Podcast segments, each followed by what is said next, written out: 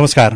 कार्यक्रम हेलो सांसदमा तपाईँलाई हार्दिक स्वागत छ। म लील प्रकाश चन्द। कार्यक्रम हेलो सांसद सामुदायिक सूचना नेटवर्क सीआईएनले उत्पादन तथा प्रसारण गर्दै आएको छ।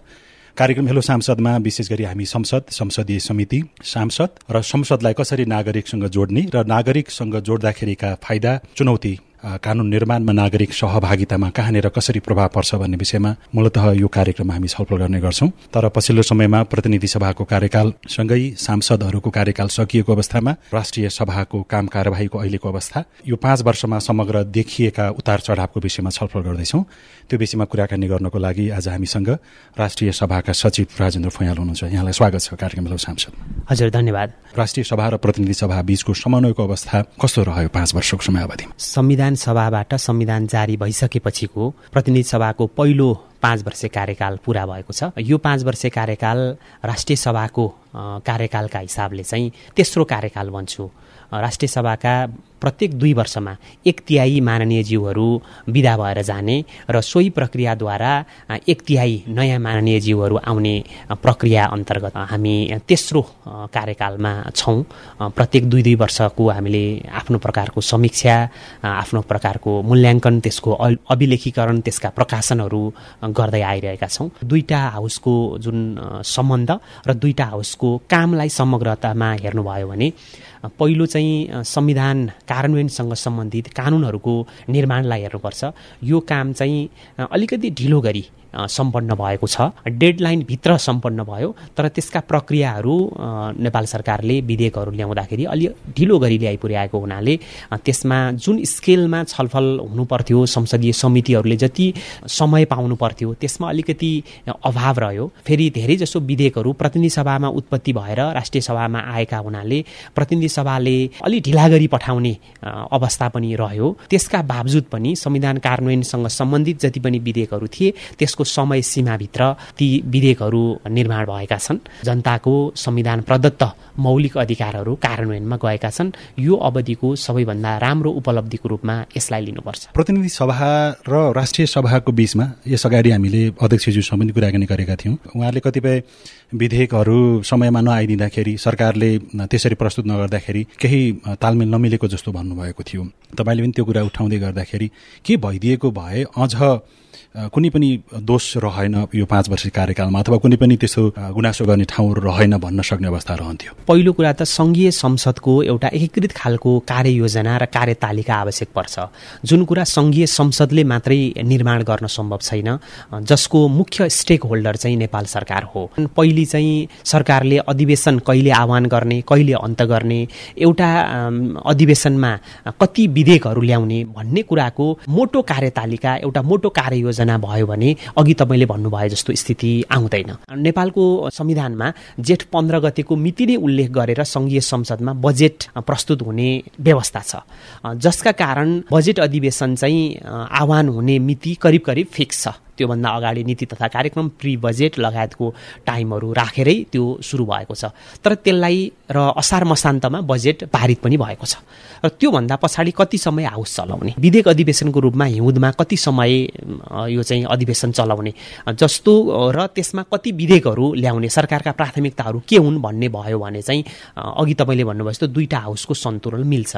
यो नहुँदाखेरि चाहिँ राष्ट्रिय सभाले पारित गरेर पठाएका बाह्रवटा विधेयक विधेयकहरू चाहिँ कतिपय त पाँच वर्ष पुराना थिए। बाह्रवटा मध्ये छवटा विधेयकहरू चाहिँ अस्ति प्रतिनिधि सभाको कार्यकाल सकिने बेलामा पारित गर्ने स्थिति बन्यो। र राष्ट्रिय सभाले असाध्यै मेहनत गरेर राजनीतिक सहमति जुटाएर पठाएका विधेयकहरू चाहिँ प्रतिनिधि सभामा चाहिँ अल्झिने स्थिति बन्यो। जस्तो उदाहरणका लागि नागरिक उड्डयन प्राधिकरणसँग सम्बन्धित दुईवटा विधेयकहरू जसले नियमनकारी निकाय र सेवा प्रदायक निकायलाई छुट्याउनु पर्ने अन्तर्राष्ट्रिय मापदण्ड पुरा गर्नका लागि ल्याइएको विधेयक थियो। त्यो विधेयक पास गरेर राष्ट्रिय सभाले सङ्घीय संसदमा प्रतिनिधित्व गर्ने दलहरूको सहमतिमा राष्ट्रिय सभाका समितिहरूले पर्याप्त गृह कार्य छलफल संशोधन गरेर पठाएका विधेयकहरू चाहिँ प्रतिनिधि सभाबाट पारित भएनन् जसको कारण हामी चाहिँ आइकाओको ब्ल्याकलिस्टमा छौँ। देश ब्ल्याक। यसको अर्थ राष्ट्रिय सभा र प्रतिनिधि सभा बीचको सम्बन्ध प्रतिस्पर्धात्मक अन्योन्याश्रित अथवा समन्वयात्मक तिनवटा मध्ये चाहिँ कुन रोज्नुहुन्छ? दुईटा सभाको सम्बन्ध वा दुईटा सभाको टसलको रूपमा मैले यो उदाहरणलाई हेर्दिनँ। नेपाल सरकारको प्रायोरिटीको कुरा हो। किनभने संसद चाहिँ सरकारको बिजनेसमा चल्छ। सम्बन्धित विभागीय मन्त्रीहरूले आफ्नो विधेयक पारित गर्नका लागि प्लिट गर्नुपर्छ। यदि नेपाल सरकारलाई कुनै विधेयक आवश्यक छैन भने त विधेयकै ल्याउनु परेन नि। कानुन आवश्यक छैन अथवा संशोधन आवश्यक छैन भने। संशोधन आवश्यक छ अथवा नयाँ कानुन आवश्यक छ भनेर संसदमा ल्याइसकेपछि प्रोसेसमा लैजाने फलो गर्ने काम चाहिँ सम्बन्धित मन्त्रीज्यूहरूकै हो। हो त्यो काममा त्यो समन्वयमा चाहिँ सरकारको तर्फबाट चाहिँ बढी ल्याप्स भएको छ। जस्तो राष्ट्रिय सभाबाट जानु र प्रतिनिधि सभाबाट मतलब चाहिँ त्यो अड्किनुमा त्यसमा प्रतिनिधि सभाको व्यवस्थापनको पनि केही कमी कमजोरी होला मैले त्यता म मैले चाहिँ प्रवेश गरिनँ किनभने मेरो कार्यक्षेत्र मेरो जिम्मेवारी राष्ट्रिय सभामा हो। तर त्यो आफ्नो विधेयकलाई दुइटै सभाबाट पारित गराएर राष्ट्रपति महोदयकोमा लगेर प्रमाणीकरण गराएर कार्यान्वयनमा लैजानुका लागि तदारुकता लिने काम त सरकारको मन्त्रीज्यूहरूको हो नि। कहीँ न कहीँ त्यसमा बढी चाहिँ कमजोरी भएको कारण ती विधेयकहरू अल्पत्र परे कि र यसको मूल जिम्मा चाहिँ सरकारले सरकारमा रहनुभएका मन्त्रीहरूले लिनुपर्छ र फेरि जुन सभामा ढिलाइ भयो त्यो सभाको व्यवस्थापनमा संलग्न रहनु भएको व्यक्तित्वहरूको पनि त्यसमा भूमिका नरहने भन्ने कुरा त भएन। म किन प्रश्न यो तपाईँसँग गरेको भने पछिल्लो समयमा प्रतिनिधि सभाको कार्यकाल सकिएको संसद सांसदहरूको विदाई भइसकेको अवस्थामा राष्ट्रिय सभाको अध्यक्षज्यूले सचिवालय मार्फत अहिलेको सभामुखको नेतृत्वमा भएको एउटा समिति निर्णयलाई कार्यान्वयन नगर्नको लागि भनेर पठाउनु भयो त्यसको विषयमा अहिले फेरि एउटा आरोप प्रत्यारोप जस्तो चलिराखेको छ। यो विषयमा तपाईँले भन्न मिल्ने कुरा चाहिँ कति हो? आरोप प्रत्यारोप चलेको होइन। किनभने सभामुखजीले त अहिले विभिन्न सञ्चार माध्यममा गएर म सांसदको रूपमा छु र सभामुखकै रूपमा कार्यरत छु भनिराख्नु भएको छ। त्यसो भए त अरू सांसदहरूको विदाय गरेको अवस्था किन होला भन्ने पनि कतिपय नागरिकमा त्यो जिज्ञासा त हुन सक्छ। यसमा चाहिँ हामीले भन्दा पनि यो चाहिँ नागरिक समाजले मिडियाले भन्ने कुरा हो। किनभने संविधान कानुन र हाम्रो अभ्यास स्पष्ट छ। त्यसमा कतिपय ग्रे जोन भयो भने राजनीतिक कर्मीहरूको आफ्नो व्याख्या हुनसक्छ। आफ्नो राजनीतिक कर्मीहरूले आफ्नो अनुकूलको व्याख्या पनि गर्नुहुन्छ। त्यसलाई हामीले राजनीतिक प्रणालीमा प्रतिस्पर्धामा अन्यथा पनि ठान्नु हुँदैन। तर ब्ल्याक एन्ड व्हाइट मतलब चाहिँ संविधानले घुमाउरो भाषा प्रयोग नगरिकन लेखिदिएको कुरा छ। त्यसलाई हामीले सङ्क्रमणकालीन व्यवस्थामा अघिल्लोपल्ट के अभ्यास गऱ्यौँ भन्ने पनि स्पष्ट छ। र निर्वाचन सम्बन्धी कानुनमा उम्मेदवारी दर्ता भनेको के हो भन्ने कुराको परिभाषा पनि छ। त्यसकारण यो यति प्रष्ट भएको विषयमा विवाद गरिरहनु आवश्यक विषय नै होइन। त्यसकारण त्यसमा फेरि यहाँ संसदको एउटा जिम्मा लिएर बसेको व्यक्तिको सीमितताका हिसाबले यो विषयमा योभन्दा बढी टिप्पणी गर्नु उपयुक्त पनि हुँदैन। बाँकी कुरा तपाईँले नै बुझ्नु भएको छ र बरु तपाईँले नै आम नागरिकलाई यो विषयमा प्रश्न पारिदिनुपर्छ। एक थरीको बुझाइ यो मनोनयन दर्ता गरिसकेपछिको अघिल्लो दिनसम्मको समयावधिको हिसाबलाई गणना गर्ने हो भने सभामुख र उपसभामुखको पद छैन भनेर यो विषय अदालतमा पनि गइसकेको छ होइन? आज बिहानै मात्रै पनि मैले प्रतिनिधि सभाको एकजना सचिवज्यूसँग कुरा गर्दाखेरि होइन यो महिनाको बाइस गतेसम्म त सभामुख पद उपसभामुख पद चलि नै राखेको छ भनिराख्नु भएको थियो। खैर त्यो विषयलाई छोडेर जाँदाखेरि पाँच वर्षमा सांसदहरूले प्रतिनिधि सभाका सांसदहरूको किनभने संसदीय अभ्यास त लामो समयदेखि भइ नै राखेको छ सांसदहरूको सुरुमा निर्वाचित भएर आउँदादेखि पद सकिएर अथवा समयावधि सकिएर बाहिरिँदै गर्दाखेरि निरन्तरता हरेक सांसद आउँछन् जान्छन् त्यस्तै खालकै नै हो कि? केही नयाँ परिवर्तनहरू देख्नुभयो पाँच वर्षमा? यो पाँच वर्षमा चाहिँ यो समिति प्रणालीहरू विगतको भन्दा प्रतिनिधि सभातिरको हेर्दाखेरि चाहिँ अलिकति कमजोर भएको जस्तो चाहिँ देखिन्छ। यद्यपि उहाँहरूको कामको मूल्याङ्कन गर्ने त्यसको बारेमा टिप्पणी गर्ने उपयुक्त व्यक्ति म होइन। कमजोर भनेको कमजोर व्यक्तिहरू त्यहाँ गए अथवा उनीहरूले काम गर्न सकेनन् अथवा काम गरे निर्देशन दिए तर कार्यान्वयनको पाटोमा झन् समस्या देखिएको भन्न खोज्नु। त्यसमा चाहिँ व्यक्तिको रूपमा भन्दा पनि समग्रतामा भनौँ न जस्तो संसदीय समितिहरूको उसले मूलत ओभरसाइट एजेन्सीको रूपमा गर्नुपर्ने कामहरू त्यसका प्रक्रियाहरू यसले दिने निर्देशनको एकरूपताका कुरा निर्देशनको स्तरीयताका कुरा यसको समग्रतामा यसको चाहिँ मापन हुन्छ। र यसको बारेमा मैले थोरै चाहिँ यद्यपि प्रतिनिधि सभाको बारेमा राम्रो नराम्रो भनेर मैले अघि पनि भने टिप्पणी गर्नका लागि उपयुक्त व्यक्ति म होइन। तर यो कुरा मैले त्यो जानी जानी पनि किन उल्लेख गरेको भन्दाखेरि सङ्घीय संसद सचिवालयको तर्फबाट प्रतिनिधि सभा सभा सचिवको नेतृत्वमा एउटा अध्ययन समिति बनेको थियो र त्यो अध्ययन समितिको सदस्यको रूपमा त्यसका केही अध्ययन प्रक्रियामा म पनि सहभागी थिएँ। विज्ञहरूसहितको अध्ययनको निष्कर्ष त्यतातिर उन्मुख भएको हुनाले मात्रै मैले त्यो कुरा चाहिँ उल्लेख गरेको हो। त्यसकारण हामीले चाहिँ संविधान जारी भएभन्दा पछाडिको यो अलिकति प्रणाली बसाउने पर्ने कुरा थियो। त्यसकारण प्रणाली बसाउने भनिसकेपछि त्यसमा संसदको प्रभावकारिताको कुरा हुन्छ। संसदको प्रभावकारिता भनेको चाहिँ संसदीय समिति यसका सदस्यहरूको प्रभावकारिताको कुरा हुन्छ। र अर्को एउटा चाहिँ संसदीय व्यवस्थामा संसद प्रभावकारी भयो भने सरकार चाहिँ स्वत प्रभावकारी हुन्छ। किनभने संसदले एउटा गाइडलाइन्स दियो भने त्यसमा चाहिँ कार्यपालिका त्यहाँ त्यो बाटोमा हिँड्नुपर्छ। संसदले प्रश्न सोध्यो संसदीय समितिले सोध्यो अथवा फुल हाउसमा सोधियो भने संसद मार्फत नै कार्यपालिका जनताप्रति जिम्मेवार हुने हो। समितिहरूको बैठक बेला बखत बसेको पनि देखिने सुनिने तर संसदीय समितिलाई सरकारले परिचालन गरिराखेको हो कि? अथवा कुनै राजनैतिक दलको नेतृत्वले परिचालन गरेको भनेर पनि विभिन्न टिका टिप्पणीहरू सुनिने गर्यो। तपाईँले कमजोर भन्न खोजेको भनेको बैठकमा बोलाएको व्यक्तिहरू नआउने विषय हो कि? अथवा समितिले यो काम गर्नु भनेर दिएको निर्देशन कार्यान्वयन नहुने पाटो हो कि? कुन पाटो एउटा सांसदको मूल्याङ्कन उसले संसदमा के गर्यो? बिलमा के गर्यो? जनताका दैनन्दिन समस्यामा उसले के बोल्यो भन्ने कुरालाई अर्थात् यसलाई भनौँ न उसको संसदीय गतिविधिलाई लिएर मापन गरिनु पर्यो गरिने प्रणाली हुनु पर्यो।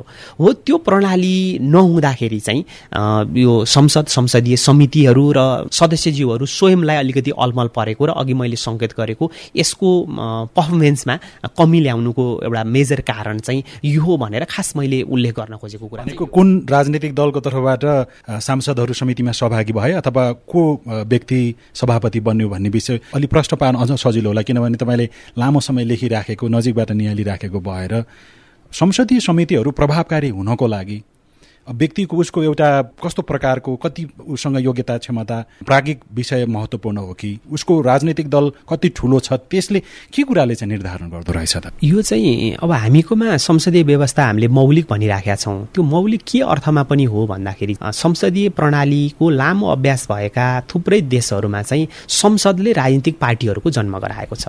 अब हाम्रोमा चाहिँ राजनीतिक पार्टीको विकास भएर त्यसले आन्दोलन गरेर त्यसले चाहिँ संसदीय व्यवस्थालाई स्थापित स्थापित गरेको छ पुनर्स्थापित गरेको छ सुधार गरेको छ। त्यसकारण हाम्रोमा अलिकति दलहरू हाबी छन् र यो एक हदसम्म यो अघि मैले भनेको हाम्रो पोलिटिकल हिस्ट्री हाम्रो चाहिँ पोलिटिकल कल्चर र यहाँको राजनीतिक शक्तिहरूको शक्ति सन्तुलनको प्रतिबिम्ब हो।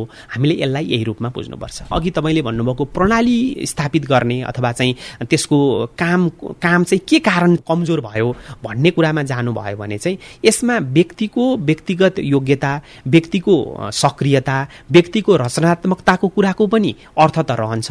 तर त्योभन्दा बढी चाहिँ हामीले प्रणाली कतिको बलियो बनाएका छौँ। कार्यपालिकालाई व्यवस्थापिका मार्फत जनताप्रति उत्तरदायी बनाउनका लागि त्यसका केही चाहिँ स्टेपहरू छन्। त्यहाँ चाहिँ प्रश्नहरू सोधिने सोधिनुपर्छ प्रश्न उत्तरहरू कति हुन सके। त्यसमा चाहिँ समितिमा चाहिँ छलफल गरेर कुनै खास एजेन्डामा चाहिँ जानकारी लिने वे आउट पत्ता लगाउने अध्ययन अनुसन्धानका लागि प्रेरित गर्ने जस्ता समितिगत कामहरू हुन्छन् त्यसमा हामीले चाहिँ अभ्यासलाई हामीले चाहिँ कतिको अभ्यास गऱ्यौँ। त्यस्तै गरी कतिपय चाहिँ ओभरसाइड एजेन्सीका जोडिएर आउने कतिपय क्रस कटिङ इस्युहरू हुन्छन्। हो त्यसमा हामीले चाहिँ कतिका मानकहरू स्थापित गऱ्यौँ अथवा त्यो कामहरू गर्दाखेरि हामीले के के स्टेप स्टेपहरू पार गरेर निर्णयमा पुग्ने हो अथवा चाहिँ सुझाव दिने ठाउँमा पुग्ने हो निष्कर्षमा पुग्ने हो भन्ने कुराको हामीले कस्तो प्रणाली बनाउन सक्यौँ भन्ने कुराकै समग्रमा चाहिँ यसलाई चाहिँ मापन गर्नुपर्छ। र हामी कहाँ चाहिँ हो यो अघि मैले व्याख्या गरेको कुरामा नै कहीँ न कहीँ हामी सिक्दैछौँ सिक्ने चरणमै छौँ त्यसलाई बलियो बनाउन बाँकी छ। त्यसकारण हाम्रो नतिजा चाहिँ हामीले सोचे जस्तो भएन कि भन्ने लाग्छ। प्रदेशसभाहरूको कार्यकाल पनि सकियो। समग्रमा राजनीतिक रूपमा सङ्घदेखि त्यो तल्लो स्तरसम्मै पुग्दाखेरि जुन प्रकार सरकारको भागभन्डा जुन राजनीतिक रङ केन्द्रमा अथवा काठमाडौँमा देखिन्छ त्यसको जतागति देखिराखेको स्थिति हुन्छ। प्रतिनिधि सभाको भित्र त्यहाँको जुन गतिविधि देखियो त्यो सरेर प्रदेशमा पनि पुग्यो जस्तो लाग्छ कि अथवा प्रदेशहरू अलि अलग अथवा आफ्नो पहिचान बनाउने ढङ्गमा कहाँसम्म पुग्न सके भन्ने तपाईँको समीक्षा चाहिँ के छ? प्रदेश सभाहरूको हकमा चाहिँ त्यति धेरै टिप्पणी गर्ने बेला भइसकेको छैन। सङ्घीयता कार्यान्वयन भएको पहिलो पाँच वर्ष हो यो। र शून्यबाट सुरु गरेर प्रदेश सभा र प्रदेश सरकारहरू भर्खर स्थापित भएका छन्। आवश्यकताबारे आफ्नो ठाउँबाट बहस छ। एक थरीले यसलाई विकासको मतलब चाहिँ एउटा पर्यायको रूपमा विकासको एजेन्सीको रूपमा लिएको पाइन्छ एक थरीले यसलाई चाहिँ पहिचानको रूपमा लिएको पाइन्छ। र एक थरीले यसलाई चाहिँ द्वन्द्व व्यवस्थापनको रूपमा लिएको पाइन्छ। तर मेरो विचारमा यी मैले अघि भनेका तिनटै कुरालाई समग्रतामा हेरियो भनेदेखि यसको औचित्य पुष्टि हुन्छ। शून्यबाट सुरु गरे पनि हाम्रा केही विरासतहरू छन्। त्यसको पृष्ठभूमिमा भएका आन्दोलनहरू त्यसको पृष्ठभूमिमा भएका चाहिँ राजनीतिक दलको शक्ति सन्तुलन अघि मैले उल्लेख गरेको राजनीतिक हाम्रो कल्चर हाम्रो समाजको चेतना स्तर सबैको प्रतिबिम्ब अनि हाम्रो चाहिँ जनआकाङ्क्षा विकासका आवश्यकता यी सब स्रोत साधनको सीमितता होइन? यो समग्रतामा हेर्दाखेरि चाहिँ एउटा त मूल्याङ्कन गर्ने यो अवधि नै होइन यो एक दुई इलेक्सन पछाडि यसको आउला। तर सुरुवाती चरण चाहिँ ठिकै ठिकै मध्यम स्तरको भन्दाखेरि चाहिँ यसलाई उपयुक्त हुन्छ होला। प्रदेश मार्फतको समितिहरूलाई संसदीय समितिलाई पनि सकारात्मक विभेदकै एउटा त्यो दृष्टिकोणबाट सामान्य एउटा अझै मूल्याङ्कन गर्ने समय भइ नसकेको अवस्था भन्ने कि अथवा प्रदेश सभा मार्फतका समितिहरूले अझ राम्रो अथवा अझ कमजोर देखिए भन्ने लाग्छ यहाँलाई चाहिँ। यसलाई कमजोर भयो कि बलियो भन्ने अर्थमा जानुभन्दा पनि अलिकति डुप्लिकेसन चाहिँ भएको देखिन्छ। प्रदेश सभामा मात्रै नभएर जस्तो सङ्घीय सरकारको मन्त्रालयको नाम र कार्यक्षेत्र र प्रदेशका मन्त्रालयको नाम र कार्यक्षेत्र ठ्याक्कै उस्तै देखिन्छ। तपाईँ मार्फत खालि म एउटा क्वेसन मात्रै रेज गर्न चाहन्छु। सङ्घीयतामा यस्तै हो त? सङ्घले खास क्षेत्रको मतलब चाहिँ एउटा वृहत क्षेत्रको क्षेत्राधिकार लिने प्रदेशहरूले त्यो अन्तर्गत आफ्नो ठाउँमा स्वायत्त छ तर संविधानले दिएको क्षेत्राधिकारभित्रको अर्को विषय लिनुपर्ने होइन र। अथवा समितिहरूको जुन कार्यक्षेत्र छ अथवा कार्यप्रणाली छ त्यो त एकरूपता मिल्दोजुल्दो हुने भयो। तर त्यो भित्र फेरि ठ्याक्कै काम गर्ने फिल्ड भनौँ न बोलीचालीको भाषामा त्यो त फरक हुनुपर्ने होइन र। इस्युहरू पनि यो चाहिँ राष्ट्रिय इस्यु यो चाहिँ मतलब प्रदेश स्तरको इस्यु विकासका आयोजनाहरू पनि यो चाहिँ राष्ट्रिय विकासका आयोजना यो चाहिँ प्रदेश स्तरका आयोजना यो चाहिँ स्थानीय आवश्यकता र स्थानीय तहको सेवा प्रवाह भनेर यसरी अलिकति छुट्टिनु पर्ने ठाउँमा चाहिँ कतिपय हाम्रो संरचनाहरू दोहोरो भएको। यसमा अलिकति आरोप प्रत्यारोप पनि छ। यो बिचमा हामी राष्ट्रिय सभाको तर्फबाट सातै प्रदेशमा जाने मान्यज्यूहरूसँग प्रदेश सभाका सदस्यज्यूहरूसँग र स्थानीय तहका निर्वाचित जनप्रतिनिधिहरूसँग चाहिँ छलफल अन्तर्क्रिया पनि गऱ्यौँ। यो अधिकार पाइयो पाइएन स्रोतको हस्तान्तरण भयो भएन लगायतका विषयहरू उठेका छन्। उहाँहरूको दावी आफ्नो ठाउँमा छ। तर यसमा कहीँ न कहीँ समन्वय नभएको कहीँ न कहीँ काममा डुप्लिकेसन भएको कहीँ न कहीँ चाहिँ अनुत्पादक क्षेत्रमा चाहिँ खर्च बढेको। गाडी घोडामा होला अथवा चाहिँ संरचना खडा गर्ने गर्ने कुरामा होला होइन? कार्यालय व्यवस्थापनमा होला। यस्तो कुरामा चाहिँ अलिकति प्रश्नहरू उठेको जसले गर्दा चाहिँ सङ्घीयता मार्फत जे कुराको हामीले अपेक्षा गरेका छौँ त्यसलाई चाहिँ त्यसले बाधा सृजना गरेको हो कि भन्ने प्रारम्भिक यसको स्वरूप चाहिँ यस्तो देखिन्छ। राष्ट्रिय सभाको अहिलेसम्मको समयावधि हेर्दाखेरि सयमा कति जति अङ्क दिन तपाईँ तयार हुनुहुन्छ त अथवा तपाईँ सयमा सय नै दिनुहुन्छ? परीक्षार्थीको पार्टमा छु। म मैले सभालाई सभाको कामलाई सहयोग गर्ने मेरो भूमिका छ। त्यसकारण यसको मापन गरेर अङ्क मैले तोक्नु यो न्यायोचित हुँदैन। खालि म यसमा भनौँ म यसको कामलाई तिन खण्डमा विभाजन गरेर हेरिदिन म अनुरोध गर्छु। एउटा पहिलो दुई वर्ष जुन मैले अघि कार्यक्रमको सुरुमा पनि उल्लेख गरेँ संविधान कार्यान्वयनसँग सम्बन्धित कानुनहरूको निर्माणको सन्दर्भमा राष्ट्रिय सभाले असाध्यै राम्रो काम गरेको छ। कानुन निर्माणको एउटा नयाँ मानक स्थापित गरेको छ जस्तो तिन तहको अन्तर सम्बन्ध सम्बन्धी विधेयकमा चाहिँ सातवटै प्रदेशमा प्रदेश सभाका सदस्यहरू र स्थानीय तहका निर्वाचित प्रतिनिधिहरूको प्रतिनिधिमूलक सुझावहरू लिएर त्यसलाई पुनर्लेखनकै तहमा विधेयक बनाउने काम गरेको छ। अरू पनि थुप्रै विधेयकहरूमा यसरी चाहिँ सहभागितामूलक अथवा खुल्ला संसद खुल्ला विधायनी प्रक्रियाको एउटा मानक स्थापित गरेको छ पहिलो। दोस्रो चाहिँ कानुन निर्माण गरिसकेपछि त्यसको कार्यान्वयनको अवस्था कस्तो रह्यो? मतलब चाहिँ यो उत्तर विधायनी परीक्षणको रूप रूपमा यो एउटा कानुन निर्माणको अध्ययन अनुसन्धानको एउटा नयाँ आयाम पनि हो। त्यसको पनि एउटा चाहिँ राष्ट्रिय सभाले मानक स्थापित गरेको छ। यो समितिमा हुने छलफलका चरणहरू यसले निर्धारित गरेको छ। एउटा विधेयक आयो मतलब कहिलेकाहीँ छोटो समयमा पनि पास भएको छ। तर त्यो हुँदा पनि त्यसका चरणहरू पहिलो रिडिङमा के गर्ने दोस्रोमा के गर्ने विज्ञहरूलाई कसरी सहभागी गराउने अन्य सरकारवालाहरूको सुझाव कसरी लिने संशोधनहरूलाई कसरी स्वीकार गर्ने जस्ता विधि निर्माणका मानकहरू स्टेपहरू यसले चाहिँ निर्धारित गरेको छ। यो यो अवधिको एचिभमेन्टको पार्ट हो। दोस्रो चरण भनेको चाहिँ कोभिड महामारी प्रतिनिधि सभामा आएको गतिरोध र आरोह अवरोहको प्रभाव चाहिँ स्वाभाविक रूपमा राष्ट्रिय सभामा नपर्ने कुरा भएन। यसलाई पनि म दुईवटा पार्टमा हेर्छु एउटा कोभिड महामारीको बेलामा पनि राष्ट्रिय सभा चाहिँ संविधानमा व्यवस्था भए अनुरूप चाहिँ छ महिनाभन्दा बढी अधिवेशनको ग्यापको अवधि रहेन। अथवा अर्थात् यसले लोकतन्त्रको जुन प्राणवायु हुन्छ त्यसलाई चाहिँ जीवन्त राख्यो। जसरी हामी भन्छौँ नि सेकेन्ड वर्ल्ड वारको बेलामा पनि बेलायती संसद चाहिँ अवरुद्ध भएन संसदीय प्रक्रिया चाहिँ चलिरहेको थियो। भने जस्तै कोरोना महामारी जहाँ हाम्रो मानव जीवन रक्षाकै प्रश्न मूल प्रश्न थियो त्यो बेलामा पनि हामीले यसका स्वास्थ्य सतर्कता मापदण्डहरू पुरा गरेर मतलब चाहिँ कम भयो होला बैठकहरू तर हामीले चाहिँ यसलाई शून्यको अवस्थामा जान दिएनौँ। केही हदसम्म समितिहरू र त्योभन्दा पनि मूल हाउसका केही बैठकहरू चले अर्थात् लोकतन्त्रको आधारभूत प्रक्रियाहरूलाई जीवन्त राख्न सक्यौँ। यसको दोस्रो पार्ट भयो र यो दोस्रो पार्टकै अर्को विषय चाहिँ तपाईँले सुरुमा प्रश्न सुन्नुभएको थियो अन्तर सम्बन्ध। यो चाहिँ साइकलका दुईवटा पाङ्राहरू रहेछन् कि। एउटा पाङ्रा राम्ररी चलिरहेको बेलामा अर्को पाङ्रा पञ्चेट भयो भने त्यो स्वाभाविक त्यो साइकल चाहिँ अगाडि बढ्दो रहेनछ त्यसकारण प्रतिनिधि सभामा चाहिँ गतिरोध हुँदा चाहिँ त्यसको प्रभाव राष्ट्रिय सभामा पनि पर्यो। यद्यपि संविधानमा दुईवटा सदनको अलग अलग अधिवेशन आह्वान र अन्त हुने आफ्नो बैठक बस्न सक्ने स्थिति त छ तर विधि निर्माणको चक्र पुरा हुन त दुइटै हाउसबाट चाहिँ विधेयकहरू पारित भएको हुनुपर्छ। यहाँनिर राष्ट्रिय सभाले काम चाहिँ भव्य राम्रो विभिन्न चरणमा गरेर गर्यो तपाईँले भन्नुभयो दावी गर्नुभयो होइन? तर बाहिर सञ्चार माध्यम होस् अथवा सर्वसाधारण नागरिकमा पनि पर्न जाने के भने राष्ट्रिय सभाभन्दा प्रतिनिधि सभा अलिकति शक्तिशाली हो कि अथवा त्यहाँ नै गरेको निर्णय अन्तिम हुने र त्यसैलाई अलि बढी मान्यता दिइने हो कि भन्ने ढङ्गबाट त्यो अलि प्रचार प्रसारको ढङ्गबाट अथवा त्यसरी छाइराखेको देखिन्छ। यसमा तपाईँको थप केही भन्नुपर्ने छ त? होइन यसमा दुई दुई सदनात्मक व्यवस्थाको औचित्य बारेमा संसारभरि बहस छ। यदि प्रतिनिधि सभालाई पहिलो हाउस र राष्ट्रिय सभालाई दोस्रो हाउस मान्ने हो भने पहिलो हाउसले गरेको कुरालाई रबर स्ट्याम्पको रूपमा दोस्रो सभाले त्यसलाई चाहिँ स्वीकार गर्छ भने त्यो हाउसको औचित्य के? जनताबाट प्रत्यक्ष निर्वाचित सभासँग मतलब चाहिँ राय बजाउँछ भने त्यसको औचित्य के? यस्तो प्रश्नहरू उठेको बेलामा संसारभर यस्ता बहसहरू हुने सन्दर्भमा चाहिँ राष्ट्रिय सभाले आफ्नो औचित्य स्थापित गरेको छ। मेरो निष्कर्ष यो हो। त्यो भनेको चाहिँ के हो भन्दाखेरि राष्ट्रिय सभा यो चाहिँ अर्थ विधेयक बाहेक दुई सदनमा जुनसुकै सदनमा पनि विधेयक उत्पत्ति हुन्छ र राष्ट्रिय सभामा उत्पत्ति भएको विधेयकमा चाहिँ यसले चाहिँ एकदमै गहन छलफल गरेर तार्किक निष्कर्षमा पुगेको छ। जस्तो तपाईँ तपाईँले अस्तित्वको कुरा गर्दै गर्दाखेरि पछिल्लो समयमा राष्ट्रपतिज्यूबाट यो नागरिकता विधेयकको विषयमा फेरि पुनर्विचार गरियोस् भनेर आयो। प्रतिनिधि सभाले जस्ताको त्यस्तै अगाडि बढाइदियो तर राष्ट्रिय सभाले कम्तीमा समितिमा पठाएर एउटा जुन प्रक्रियामा लैजाने विषय भयो। त्यो विषय लगायत अरू यस्तै केही कुरालाई चाहिँ अस्तित्वसँग यहाँले जोड्न खोज्नुभयो कि अथवा के? ठ्याक्कै त्यसैलाई मात्रै त उदाहरण मानेको होइन। मैले चाहिँ समग्रतामा भनौँ न विधि निर्माणको प्रक्रियामा राष्ट्रिय सभाले जे मानकहरू स्थापित गरेको छ।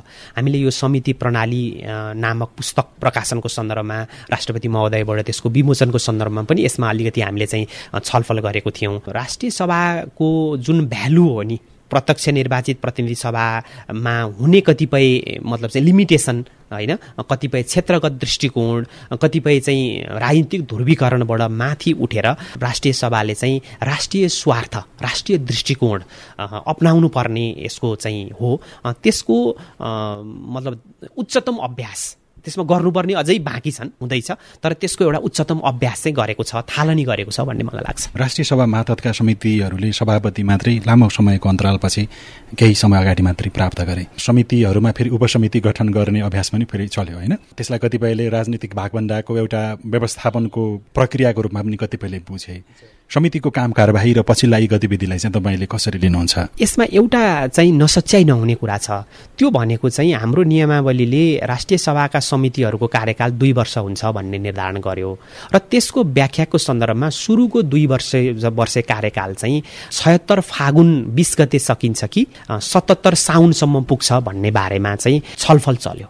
त्यति बेला चाहिँ एउटा तर्क बलशाली तर्क के थियो भन्दाखेरि जब राष्ट्रिय सभाका सदस्यहरूको समयावधि दुई वर्ष कार्यकाल जसको पर्यो एक एकपल्टका लागि सुरुको गोला प्रसादद्वारा तय भएको कार्यकाल त्यो नै सकिएर उहाँ गइसकेपछि समितिको कार्यकाल कसरी बाँकी रहन्छ भन्ने एउटा कोडबाट आयो भने अर्को कोडबाट होइन सुरुको भएको हुनाले नियमावली बन्दा समिति गठन गर्दाखेरि चाहिँ यो चाहिँ दुई वर्ष त्यसको चाहिँ पुगोस् यो जहिले गठन भएको त्यो समिति त्यसको चाहिँ दुई वर्ष पुगोस् भन्ने आधारमा चाहिँ त्यो साउनलाई मान्यो।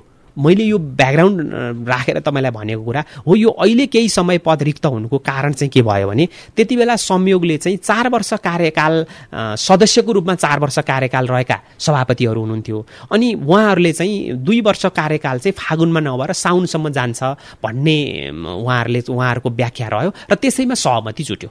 राजनीतिक सहमति त्यसैमा जुट्यो। यहाँलाई थाहा छ संसद चाहिँ धेरै हदसम्म सहमतिको यदि कानुनले बाधा गरेको छैन भने मतलब सहमतिले चल्छ। र अब अहिलेको सन्दर्भमा चाहिँ के भयो? सभापतिहरू चारमध्ये तिनवटा तिनजना सभापतिहरू चाहिँ चार वर्ष कार्यकाल सकिएर विदा हुनुभयो सभापतिको सदस्यकै रूपमा कार्यकाल सकिएपछि त्यसको नेतृत्वमा रहिरहने कुरा भएन। अनि समितिको कार्यकाल चाहिँ फेरि अब अघिल्लोपल्ट हामीले साउनमा मानेको हुनाले साउनसम्म जाने स्थिति बन्यो। त्यो बिचमा इलेक्सन हुँदाखेरि चाहिँ त्यो तिन महिनाका लागि मात्रै सभापतिको चयन हुने भयो। र त्यसमा पनि राष्ट्रिय सभाका अध्यक्षज्यूको अग्रसरता चाहिँ अहिले इलेक्सन गरिहालौँ। दलहरूले सक्नुहुन्छ त्यस्तो इलेक्सन गरौँ। उहाँहरू तिन महिनापछि एउटा औपचारिकता पुरा गरेर दोहोरिने स्थिति बनोस्। होइन भएन सङ्क्रमणकालीन भए पनि गरौँ भनेर उहाँले कार्यव्यवस्था परामर्श समितिको बैठकमा सबै दलहरूलाई झकझग्याउने काम गर्नुभयो। पटक पटक उहाँहरूले चाहिँ मिति तोक्ने प्रयत्न गर्नुभयो। र पछिल्लोपल्ट त एक महिना ढिलो त प्रधानमन्त्रीले यो चाहिँ मैले मेरो अनुरोधमा एकपल्टलाई मानिदिनुहोस् भनेर कार्यव्यवस्था परामर्श समिति समितिले तोकेको मितिमा समेत मतलब चाहिँ निर्वाचन हुन नसक्ने परिस्थिति भएको हुनाले चाहिँ यो चाहिँ फागुनको बिस मारिक त भएको सभापति पदको निर्वाचन चाहिँ भदौसम्म पदपूर्ति नहुने अवस्था बन्यो। यसलाई सच्याउनुको लागि चाहिँ गर्नुपर्ने के छ? यसलाई सच्याउनु पर्ने चाहिँ मेरो सीमितता भन्दा पनि बाहिर उठेर मैले एज अ नागरिकको रूपमा पनि मैले माननीयज्यूहरूलाई सभापतिज्यूहरूलाई अध्यक्षज्यूलाई सुझाव पनि पेस गरेको छु। र हाम्रो हाम्रो यो बिचमा भएका कतिपय अध्ययनले पनि त्यो देखाएको छ। त्यो भनेको चाहिँ फागुनको बिस गते जब वान थर्ड सदस्यज्यूहरूको पदावधि सकिन्छ र त्यसको पैँतिस दिन अगाडि निर्वाचन भएर नयाँ वान थर्ड सदस्यहरू एक तिहाई सदस्यहरू आउनुहुन्छ। उहाँहरू आइसकेपछि लगत्तै समितिको पुनर्गठन गर्ने र सभापतिको पनि निर्वाचन गर्ने। यसो गर्दा एकपल्टका लागि कुनै सभापतिज्यूहरूको कार्यकाल चाहिँ सदस्यको रूपमा बाँकी छ भने पनि उहाँहरूले चाहिँ साउन नपुर्याएर फागुनमै छोड्नुपर्ने दुई तिन चार महिनाको कुरा यसमा रहन्छ र त्यो एक एकपल्ट कट अफ डेट बनाइसकेपछि चाहिँ अनि प्रत्येक दुई वर्षको फागुन बिसमा सदस्यको सँगै समितिको पनि पदावधि सकिने लगत्तै छिटो भनौँ न आवश्यक पर्छ भने नियमावलीमै राखेर एक हप्ताभित्र मैले उदाहरणको रूपमा एक हप्ता भनेको एउटा निश्चित दिनभित्र सभापतिको निर्वाचन भइसक्ने स्थिति बनाउन सकिन्छ। समितिका सभापतिहरू आउने जाने त फेरि चल्यो नै होइन? कस्तो रह्यो? बैठकहरू निरन्तर बस्ने कुरामा अझै के सच्याउनु पर्ने ठाउँहरू देख्नुहुन्छ? राष्ट्रिय सभा चाहिँ चाहिँ निर्देशन भन्दा पनि यसका सभाका समितिका कामको प्रकृति अलिकति फरक छ। जस्तो प्रतिनिधि सभामा चाहिँ दसवटा समितिमा विधेयकहरू दसवटा मध्ये नौवटामा चाहिँ विधेयक जान्छ भने राष्ट्रिय सभामा चाहिँ विधान व्यवस्थापन समितिमा मात्रै विधेयक आउँछ भनेपछि यसले चाहिँ आएका विधेयकहरूको दफावार छलफल गर्ने र अघि मैले उल्लेख गरेको उत्तर विधायनी परीक्षण कानुन कार्यान्वयनको अवस्था के छ त्यसको मापन गर्ने काममा यसले आफूलाई केन्द्रित गरेको छ। प्रत्यायोजित व्यवस्थापन तथा सरकारी आश्वासन समितिले चाहिँ प्रत्यायोजित व्यवस्थापन भनेको के हो? मतलब चाहिँ संसदले बनाएको कानुनको सीमाभित्र रहेर सरकारले बनाउनु पर्ने नियम विनियमहरू सही रूपमा बनायो कि बनाएन। त्यो फ्रेमवर्कभित्र रह्यो कि त्यसले चाहिँ दिएको अधिकारभन्दा बढी प्रयोग गर्यो भनेर कानुनको पनि अडिट भनौँ न एक हिसाबले गर्ने काम चाहिँ यो यसले गरेको छ। र यो कामको लोड अलिकति ओभरलोडेड भएको हुनाले मतलब चाहिँ यसको सरकारी आश्वासनपट्टिको कामको पार्ट अझै गर्न बाँकी छ। दिगो विकास तथा सुशासन समितिले त दिगो विकास लक्ष्यहरूको सन्दर्भमा केन्द्रित रहेर आफूलाई काम त्यो क्षेत्रमा चाहिँ काम गर्ने प्रयत्न गरेको छ भने राष्ट्रिय सरकार तथा समन्वय समितिले चाहिँ मूल रूपमा तिन तहको अन्तर सम्बन्ध सम्बन्धी काम यसले चाहिँ गरेको छ। र यही कामसँग मिल्दोजुल्दो रहेर यो असङ्घीयताको कार्यान्वयनको अवस्था अध्ययन सम्बन्धी एउटा संसदीय विशेष समिति पनि बनेको छ। यसको काम पनि वास्तवमा यो राष्ट्रिय सरकार समितिकै यो चाहिँ यो सप्लिमेन्ट्री चाहिँ यसको चाहिँ काम हो। र यसले यसको चाहिँ अघि तपाईँले भनेको अनुगमन लगायतका काम राष्ट्रिय गौरवका आयोजनाहरूदेखि लिएर अरू कतिपय कार्यक्षेत्रको सन्दर्भमा सन्दर्भ पनि छन् र त्यसमा पनि यसले चाहिँ काम सुरु गरेको छ। त्यसकारण यो पाँच वर्ष अवधि भनेको चाहिँ प्रणाली स्थापित गर्ने चरण भएको हुनाले प्रणाली स्थापित गर्ने बाटोमा हाम्रा समितिहरू हिँडेका छन्। त्यसलाई सहयोग पुर्याउनका पुर्याउनका लागि हामीले सक्दो प्रयत्न गरेका छौँ। समय दिनुभयो धेरै धन्यवाद छ यहाँलाई। हस् यहाँलाई पनि धेरै धेरै धन्यवाद। आजको कार्यक्रम सांसदमा हामीले राष्ट्रिय सभाका सचिव राजेन्द्र भुयालसँग हामीले कुराकानी गऱ्यौँ। विशेष गरी प्रतिनिधि सभाको कार्यकाल सकिसकेपछिको समितिका काम कारवाहीको समीक्षा गर्दा गर्दै आजको कार्यक्रमको समयावधि सकिएको छ। र प्रविधिमा साथ दिने सुभाष पन्तलाई धेरै धन्यवाद दिँदै लिल प्रकाश चन्दलाई पनि बिदा दिनुहोस्। नमस्कार।